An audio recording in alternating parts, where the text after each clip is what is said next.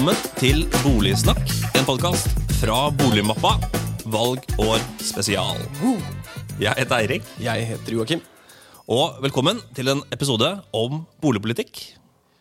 Hva er ditt forhold til boligpolitikk? Eh, ja, jeg, jeg vil si at jeg ligger eh, på snittet, så jeg gleder meg til å lære mer. Eh, det er jo veldig viktig for meg, for jeg eier bolig selv, men jeg, jeg kan ikke nok om det. Og så er det, det er jo så mye forskjellige meninger der ute, og det å systematisere det, jeg sliter litt med det. Nettopp.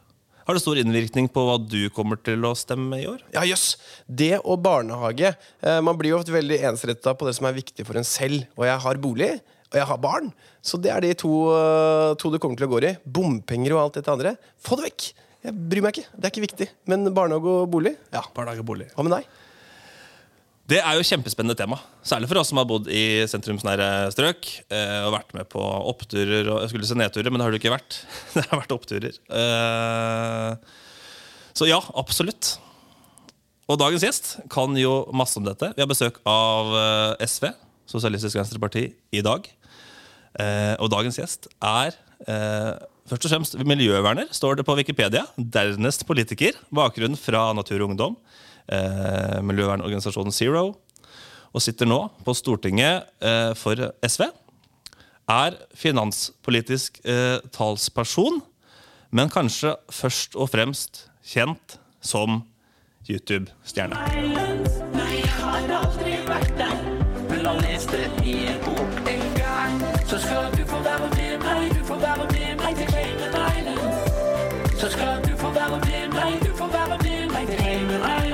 Den er god. Veldig. Den er veldig god. Hjertelig velkommen, Kari Elisabeth Kaski. Takk, takk for det. Den er catchy. Den, Ja, er den sitter godt i kroppen. Ja. ja. Fornøyd med den. Hvordan har du det i dag? Jeg har det fint. Ja, Endelig er det blitt fint vær igjen etter noen dager med regn. Det, det synes jeg var deilig. Så, og så har Stortinget tatt fri. Og det er ja, Selv om ikke jeg har ferie, så er det veldig deilig med innrømme å bare kunne fokusere på, på valgkamp og komme meg ut og møte folk i stedet for det budsjettbehandling som det har vært mye av de siste ukene. Ja. For det snakka vi om litt når du kom inn her. Eh, Kan, kan politikere ta ferie i et valgår? Ja, vi skal ha ferie. Jeg skal ha tre uker sommerferie. ferie. Det blir veldig bra. Man må jo ha Vi må hvile litt. Eh, Og for oss også, tror jeg, på Stortinget, i likhet med veldig mange andre i Norge, men kanskje særlig i Oslo, så er vi jo litt sliten etter det siste året. Det har vært, eh, det har vært ganske eh, røft. Så jeg gleder meg veldig til å, til å ha ferie, og så lade batteriene til en intensiv valgkamp. Mm. Ja, jeg syns dere fortjener ferie, og det, og det unner jeg veldig få. Eh, Jeg har en del venner som er lærere, og når de begynner med dette Ja, men vi avspaserer. Det- Nei, den kjøper jeg ikke. Men eh, politikere, herre min hatt som dere jobber. Ja. Vi gjør det. Vi skal snakke om bolig i dag. Eh, Du bor selv i Oslo. Mm, Jeg gjør det i Groruddalen. Ja. Nettopp. Hvor er Groruddalen da? Du, eh, jeg er jo faktisk Jeg bor på Veitvet nå, og så er jeg midt i sånn prosess med å skulle eh, gjennom eh, høsten flytte til Rødtvet. Som for så vidt er rett ved Veitvet, bare på andre sida av Trondheimsveien. Så ja. Det er oppafor mot skogen. ja, riktig. Så, så jeg flytter fra på en måte ytterkanten av Bjerke bydel og over i Grorud bydel, da. Ja. Ja, har du kjøpt? ja, jeg har det. Ja. Har du solgt? Jeg har ikke solgt, eh, så jeg faktisk akkurat denne uka så har vi drevet og, og båret ut alle tingene av leiligheten vår for å ta bilder til, eh, Ja. til, eh, eh, til annonsen, for å så bare bære alle ting inn igjen. Ja, vi det var den bo ferien, si. Vaske og fikk designe og style. Det er mye jobb, altså. Det er mye jobb, ja. Vi har hatt noen episoder her om det å selge bolig. Så ja, vi og lytterne vet om det. Ja. Nettopp. Hvordan tror du det går, da? Nei, jeg er spent. Nå skal nok ikke den annonsen ut før sånn på tidlig i høst, tipper jeg. Kan, kan ikke legge det ut i fellesferien. Men, eh, men eh, jeg håper det går bra. Og så har vi jo kjøpt allerede, så så vi får bare Ja. Veitvet har blitt et veldig populært område i det siste. Så eh, jeg har et håp om at det skal gå fint, at vi i hvert fall får solgt. Mm. Nå skal, nå skal vi ikke snakke om det i denne episoden, men litt spennende. Hva syns du om liksom, boligsalgsprosessen? da? Det politiske der, er du fornøyd?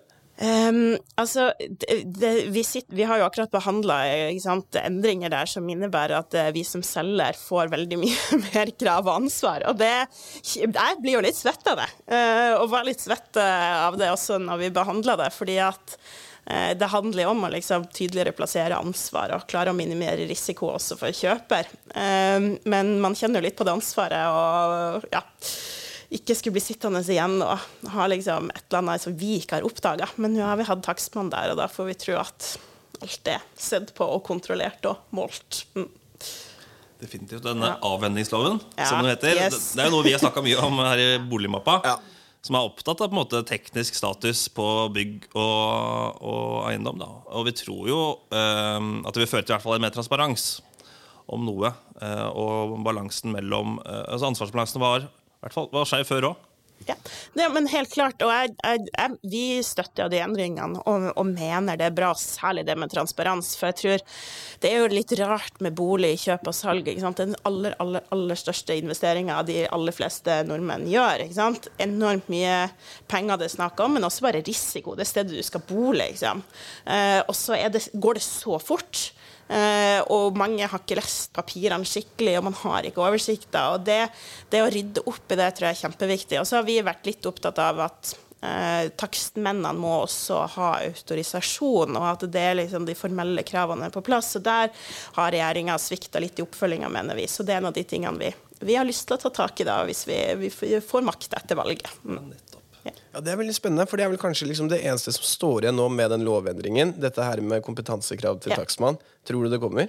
Ja, eh, altså det har jo ikke kommet fra regjeringa sin side, men vi vil jo gjerne at det skal komme på plass. Så dersom vi får et regjeringsskifte etter valget, så vil vi eh, ordne opp i det, og det kan jo vi endre. Og den loven, eh, lov, eller ja, den endringa der har jo ikke trådt i kraft eh, ennå, så vi kan endre det også før en loven trer i kraft, og få det bare fiksa i høst. Mm.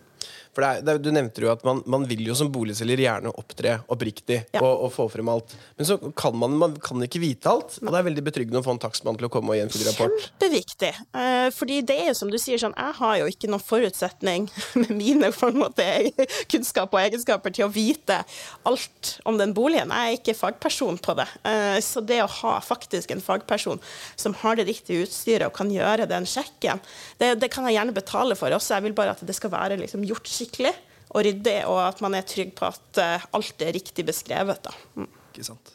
Vi hadde jo Carl Gjeving her fra Norges Eiendomsmeglerforbund.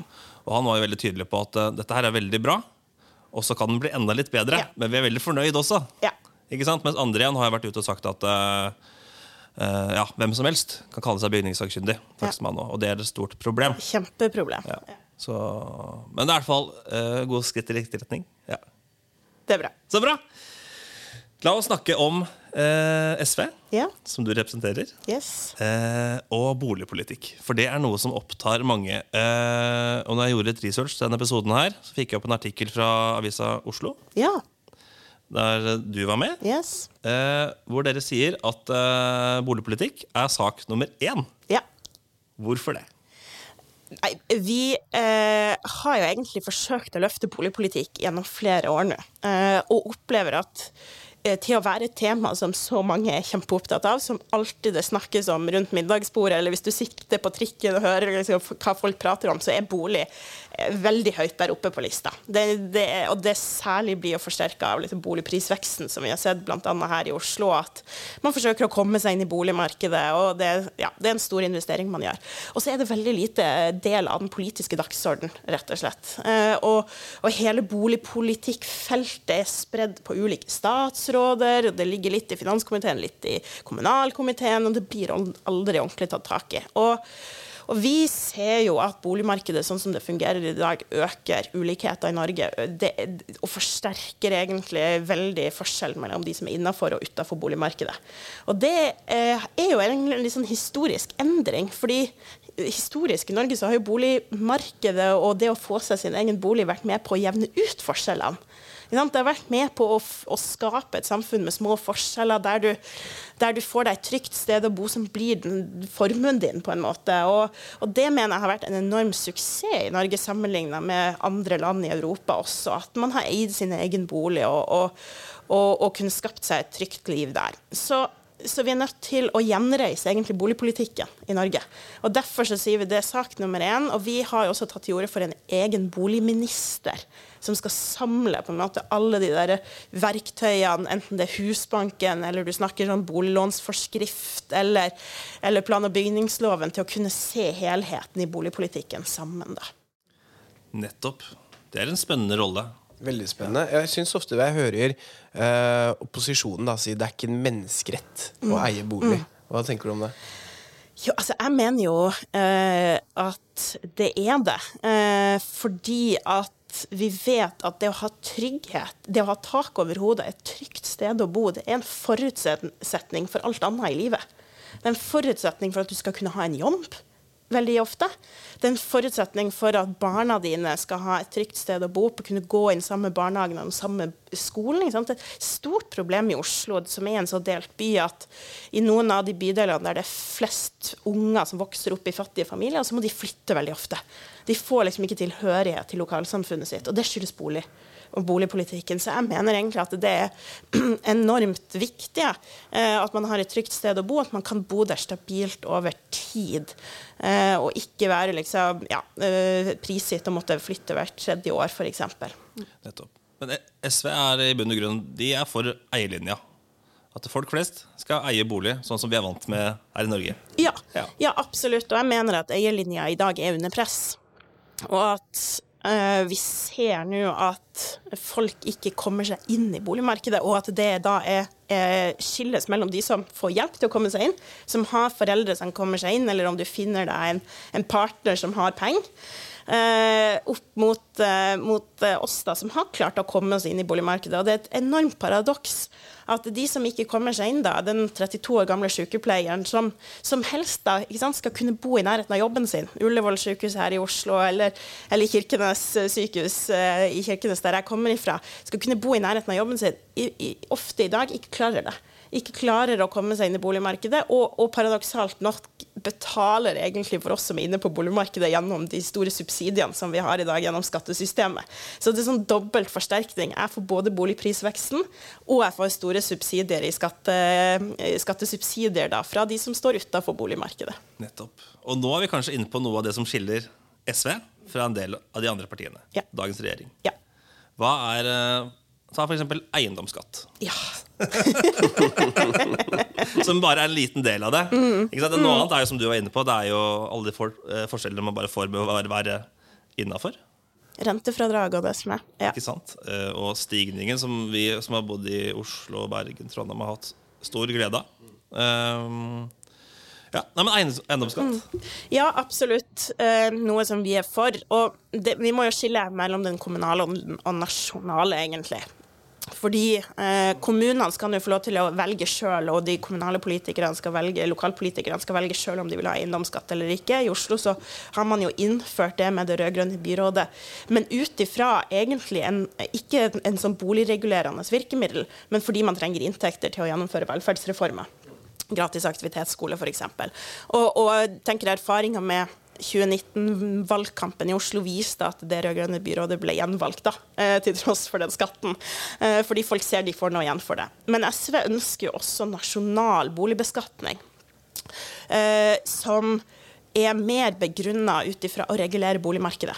Og det handler om totaliteten. Vi vil jo ikke gjøre det alene, men det handler om at I dag så har du så store skattesubsidier, vi snakker liksom 30 milliarder i subsidier til folk som er innenfor boligmarkedet.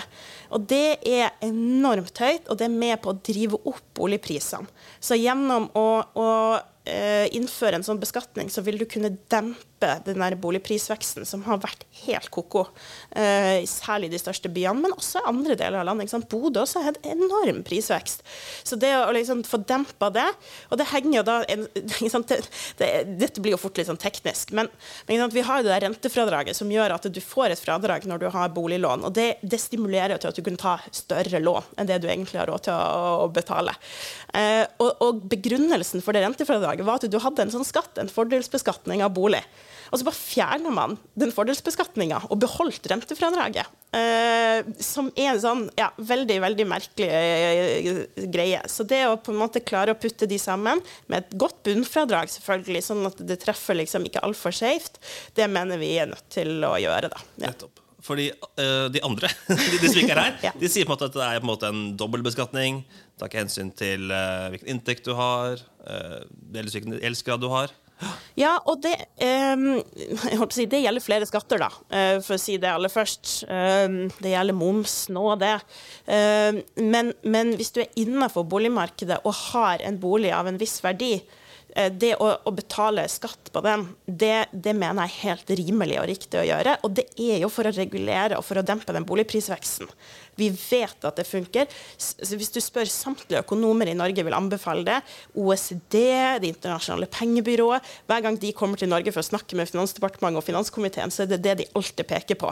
Fordi eh, også eh, boligprisveksten og ikke minst gjeldsveksten som vi hadde i Norge, er en trussel mot den finansielle stabiliteten. Så vi er nødt til å gjøre noe med det her. Og det kommer også til å fungere sosialt utjevnende på sikt ved at du får tatt ned noe av den vanvittige prisveksten som vi hadde i boligmarkedet. Så hvis du kombinerer det med flere tiltak som gjør det lettere for folk å komme seg inn i boligmarkedet, så mener jeg at vi har kommet et langt skritt på vei. Og det kommer fortsatt til å lønne seg å eie sin egen bolig. Syns jo den prisveksten eh, vi har hatt enkelte steder i landet, den er nesten skremmende. Jeg Ja. eh, hadde eh, leilighet i Oslo selv, og det var flere år der hvor jeg tjente mer penger på prisveksten, og det er jo skattefritt i tillegg, for jeg bor i min egen bolig, enn jeg gjorde på jobb. Og jeg møtte opp og gjorde det og kjempa hver eneste dag, og det det sier meg, er jo en ting at pengene ligger jo i eiendom, ikke den jobben jeg går på fra åtte til fire. Eh, og så, har du, så blir man eiendomsspekulant, og så tar du bolig fra det. Du ser jo Bjørvika nede der nå. Det står enormt mange leiligheter bare tomme. Det er helt vilt. Og, og det viser jo også litt av avsløringene også, som har vært gjennomført i media, er jo at det er jo mye utenlandskapital også i eiendomsmarkedet i Oslo. For det lønner seg sant, å kjøpe, du kan plassere pengene dine da.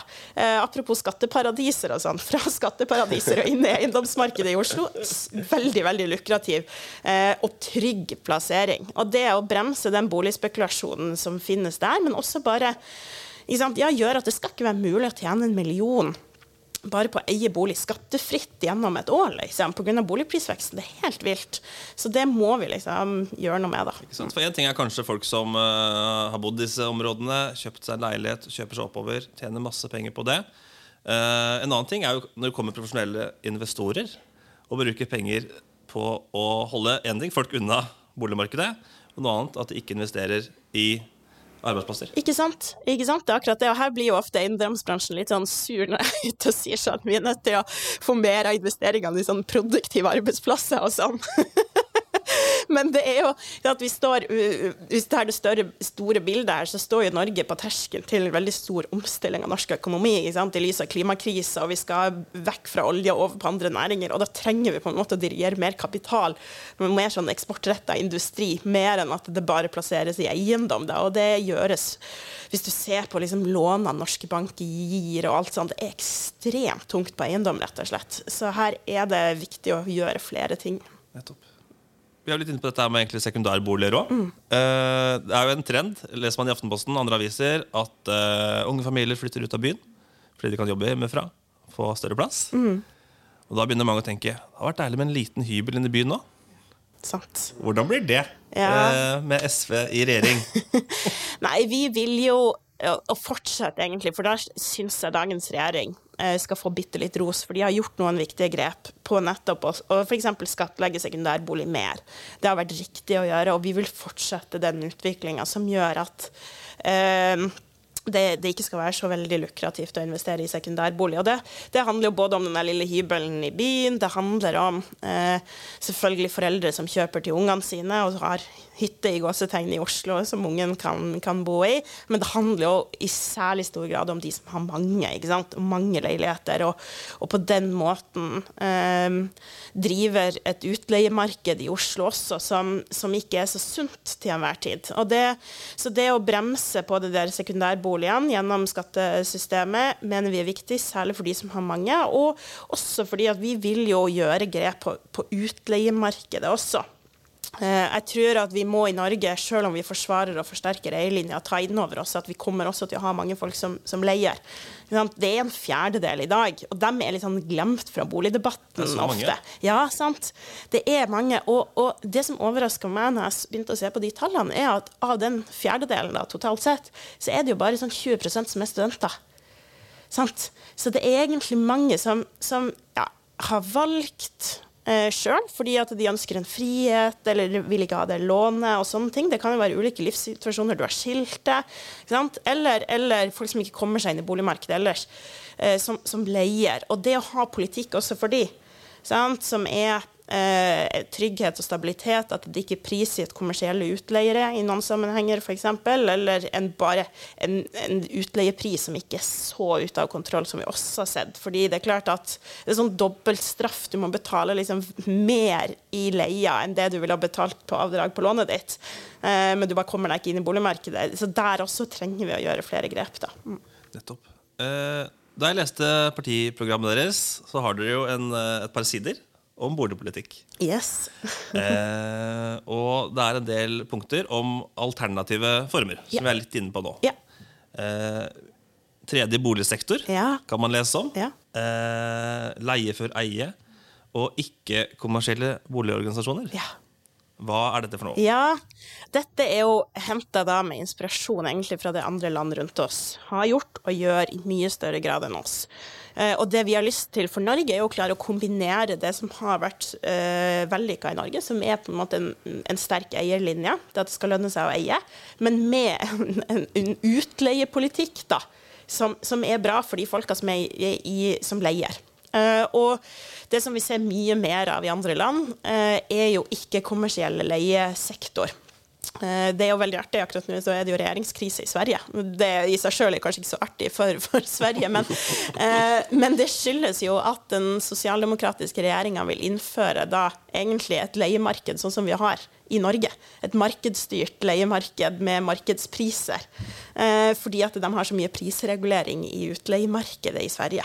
Og da, da felte Venstrepartiet, som er SV sitt søsterparti, den regjeringa. Ja. Så, så det illustrerer egentlig forskjell, da. Ehm, og, og med tredje boligsektor så, så ønsker vi egentlig å få inn en sånn nettopp en tredje boligsektor imellom de kommunalboligene som du har i dag, og som er veldig for de mest sånn vanskeligstilte, sosialt og økonomisk, og det, det kommersielle utleiemarkedet. Du har ingenting imellom der i dag. Eh, Så det å ha et ikke-kommersielt utleiemarked der eh, som er på en måte f.eks. i samarbeid mellom kommunen og et boligbyggelag, er det som vi ser for oss er i gang med i Oslo, og som vi har lyst til å gjøre også på nasjonalt nivå. Eh, Der du kan bo stabilt i en utleieleilighet over tid som er prisregulert. Og der du, ja, det her kan være i ulike kontraktsformer og ulike eh, boformer også, men der tanken er at du også skal få stabilitet. da. Du, må ikke kastes, eller du blir ikke kasta ut etter tre år. Du får liksom en stabilitet til å kunne bo der over tid, f.eks. perioden ungene dine går på skolen. Og så må man klare å gjøre det på en måte som? Da vil de kunne spare opp penger også til å kunne kjøpe seg inn i boligmarkedet gjennom å ikke måtte betale så mye i leie. Så, så det er jo viktig at det ikke blir en sånn felle, på en måte, en fattigdomsfelle, men at det også kan, kan kombineres med andre springbrett inn i boligmarkedet, med f.eks. leie til eie også, som kan være en, en, ja, en del av det. Mm. Ja, kan du fortelle litt om leie til leie? For jeg ser Obos, Fredensborg Det er kanskje ikke Mor Teresa-selskaper, men flere og flere begynner med en form for dette nå. Ja, det er veldig, blitt veldig populært, og er jo, det er jo kanskje det ene sånne boliggrepet alle partier eh, på hele politiske skalaen snakker om.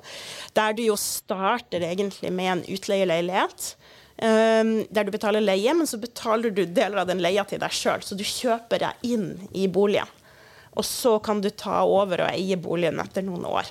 Eh, og det finnes mange ulike modeller um, som det her gjøres på, og noen av de mener jeg jo jeg har en liksom inngangspris som er veldig høy, som forutsetter på en måte at du har en lønn på 700 000 for å klare å betjene den, den leia. Så det, det er ikke alle de sånn, selv om det har på en måte det stempelet som er sånn det man klassisk vil tenke som et slags sånn boligsosialt virkemiddel. Da. Så, så Derfor så tror jeg det er viktig at også kommunen og det offentlige er, er en aktør i det. At det ikke bare er utbyggerselskapene som, som gjør det. For da er det ikke sikkert at det egentlig gir, gir noe drahjelp til, til nyutdanna sykepleier som skal, skal inn. da. Mm. Nei. Nei, Daniel Sirai og Ivar Tollefsen de skal ha penga sine. De skal det. Ja. Det har vi sett. Ja, de må nesten inn på det siden de først er her med Ja. en, en, en stortingspolitiker. Eh, boligbyggelag. Ja, Yay or nay? Ja, yay. Uh, men jeg har jo engasjert meg veldig i den Obos-saken og fremma flere forslag på Stortinget knytta til det, fordi jeg uh, mener altså at Obos har forlatt sin historiske rolle. Uh, og, og man ser på Obos som et, nettopp et boligsosialt verktøy, egentlig. Historisk sett så har det vært det boligbyggelag, har vært en måte for, for folk å sjøl organisere seg i samvirker da, i boligbyggelag for å øh, få bygd boliger som de kan bo i og komme seg inn i.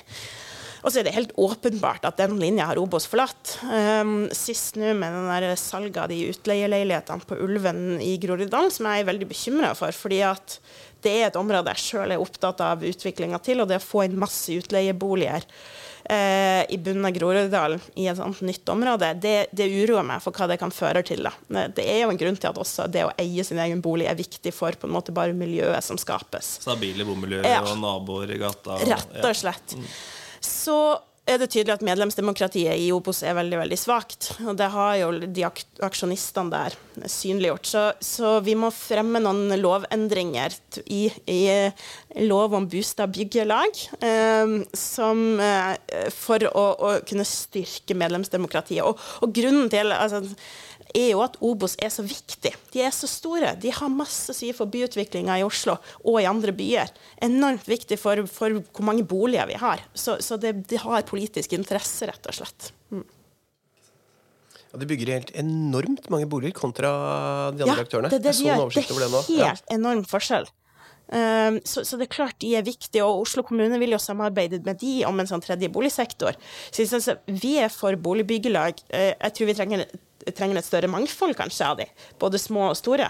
Eh, og så må det nok reguleres sterkere for å sikre at de er til for medlemmene sine, da, rett og slett. Man skulle jo tro i en situasjon i særlig Oslo nå andre norske byer hvor OECD kommer og blinker med varsellampene, at eh, aktører som nettopp Obos burde hatt en selvfølgelig rolle til å bidra til å løse det vanskelige mellomsjiktet. Kjempeviktig å gjøre det fremfor å bygge sånne 100 millioner kroners leiligheter, tenker jeg da.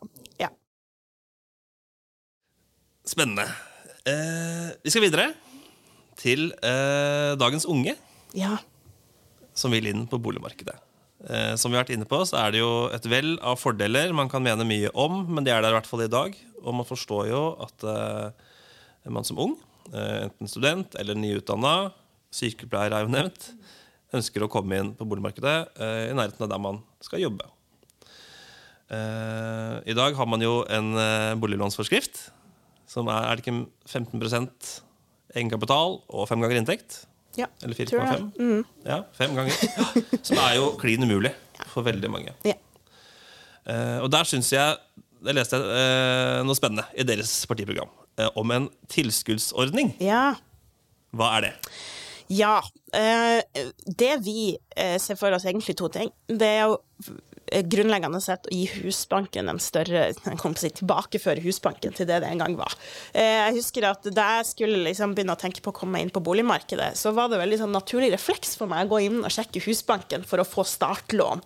Fordi at jeg visste at liksom, eh, jeg kom til å slite med å få lån i en, en vanlig bank. Men det startlånet fra Husbanken er jo er jo egentlig forsvunnet nå. Så eh, fordi regjeringa har, har liksom eh, snevra det til til å kun være for de mest vanskeligstilte. Så vi foreslår to ting. Det ene er jo at Husbanken kan igjen begynne å gi startlån til unge folk som vil inn i boligmarkedet. Men også at eh, Husbanken kan ha en sånn ideell andel nærmest av boligen din. Altså bidra med egenkapital. Eh, og, og gi en sånn type tilskudd for å betale egenkapital eh, som, og egenkapitalkravet da, til en kommersiell bank. Men at Husbanken da får eier en andel av leiligheta di. Så, så det å se på ulike sånne type ordninger med Husbanken er jo det som vi eh, har lyst til. Og så vil vi jo endre noe av boliglånsforskrifta også, bare for å ha sagt det. Fordi Det som er eh, boliglånsforskrifta gjør, og som har vært helt avgjørende, har vært å regulere bankene sine utlån for å dempe den der veldige gjeldsspiralen som man hadde. Men den har jo ramma førstegangskjøpere veldig hardt. Eh, og for hardt, etter vårt syn. Så vi vil vekte den om sånn at det blir lettere for førstegangskjøpere, men der du kanskje stiller høyere krav til de som kjøper bolig 2, 3, 4, 5, 6, 7, holdt på å si, og andre kapitalkrav der. Sånn at man bare legger om litt, sånn at den heller ja, gjør det litt lettere. For det finnes jo en sånn såkalt fleksibilitetskvote for førstegangskjøpere, men, men vi vet at det er mange stanger i det, og får ikke lån pga. de kravene. da. Det kommer en mening fra, fra mannen i gata her, da. Men uh, når mine foreldre uh, vokste opp og skulle bosette seg tidlig 80-tallet mm. Da var det et rentenivå som var Det var relativt det høyt, var da. Høyt, ja. Det var høyt. Da hadde ikke Begge to jobba i Oslo, og de hadde ikke råd til å bosette seg i Oslo, så de bosatte seg i Gjerdrum. Det er et stykke ja. unna. Men de levde fint med det. Og når jeg prater med yngre i dag, så har jeg, et, jeg får litt inntrykk av at alle skal bo sentrumsnært. Alle skal bo veldig tett på liksom jobb, skole, utdanning. Er vi blitt litt for kravstore? Godt spørsmål. Altså, en ting som jeg har tenkt på, det er at Eh, jeg tror at mange unge i dag føler et enormt press på å komme seg inn i boligmarkedet raskest mulig. Og det er jo ikke så rart. Du ser boligprisveksten, og du vet på en måte at for hvert år som går, så blir det vanskeligere å komme seg inn, og du går glipp av mye gevinst. Og det tenker jeg er et poeng i seg sjøl. Altså for, for, SV sin del så er det jo ikke et mål at en 22-23-åring skal komme seg inn i boligmarkedet raskest mulig. Det er helt greit å vente litt. Man må bare være trygg på at du kan komme deg inn da når du er 28 eller, eller 29, eh, og at de har gått glipp av enorme summer. Så, så det å liksom ikke allerede som 22-åring bli gjeldsslave holdt på å si, gåsetegn, og bundet til en bolig du eier, det tror jeg er en liksom fordel, at vi må dempe forventningene knytta til det. Um, men, men, så vil jeg liksom si at både av hensyn til liksom folk sine liv og av hensyn til miljøet så er det en enorm fordel at man kan bo i nærheten av jobb og barnehage eh, og på en måte fritidsaktiviteter og sånn. Eh, det å tenke sånn lokalsamfunn i også i en by som Oslo, der du har alle fasiliteter og alle dine behov i kort avstand uten store reisebehov, det er framtida. Vi kan ikke drive og liksom pendle kjempelangt. Og det er også et problem, mener jeg, at at si, arbeiderklassen betaler prisen for et boligmarked ute av kontroll med å se ungene sine mindre, da.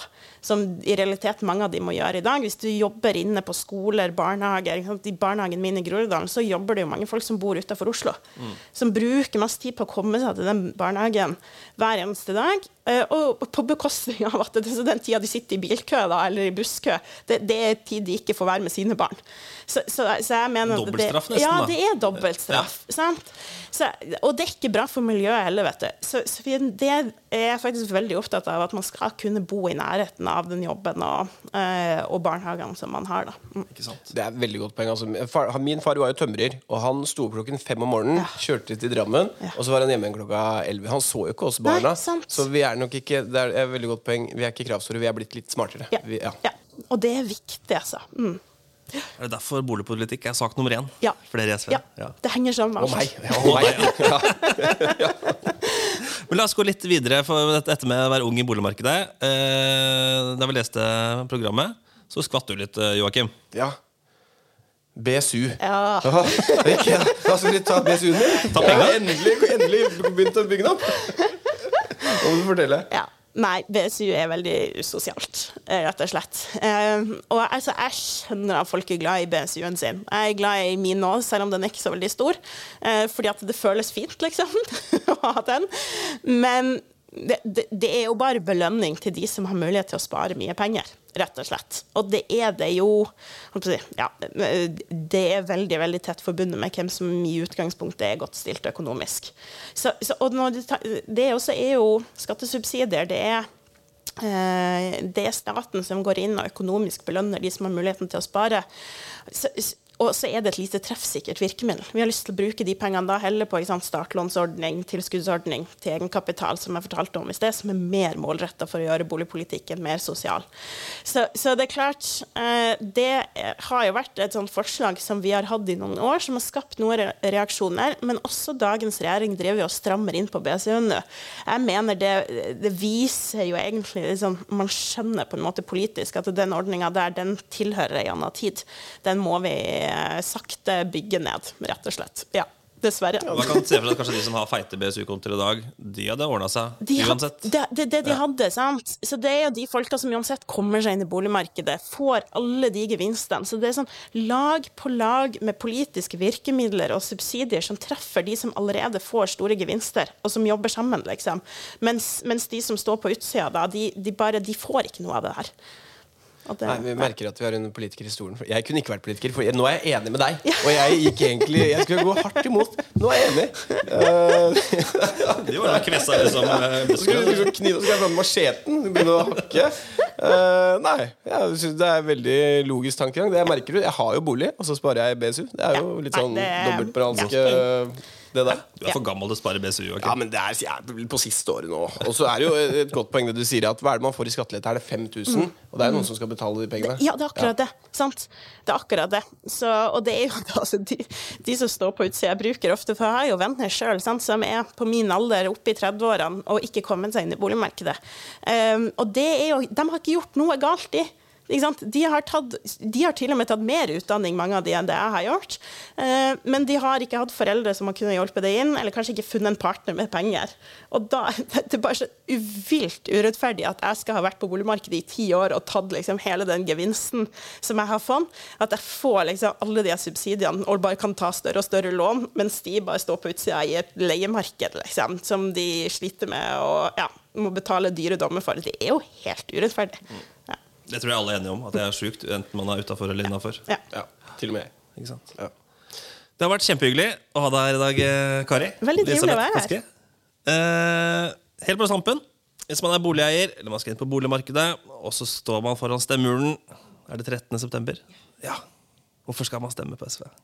Man stemmer på SP hvis man vil ha ned forskjellene, forskjellene i Norge, mer rettferdig Norge, og hvis man er opptatt av eh, klimakrisa og vil eh, at Norge skal bli et grønnere samfunn. Og vi, ja, vi eh, går til valg på rett og slett få ned ulikheter og få ned klimagassutslippene. Det er det viktigste for oss, og da er boligpolitikk enormt viktig.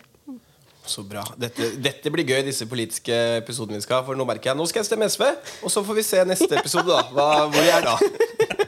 Burde hett Hva skal Joakim stemme? Tusen takk for at du kom.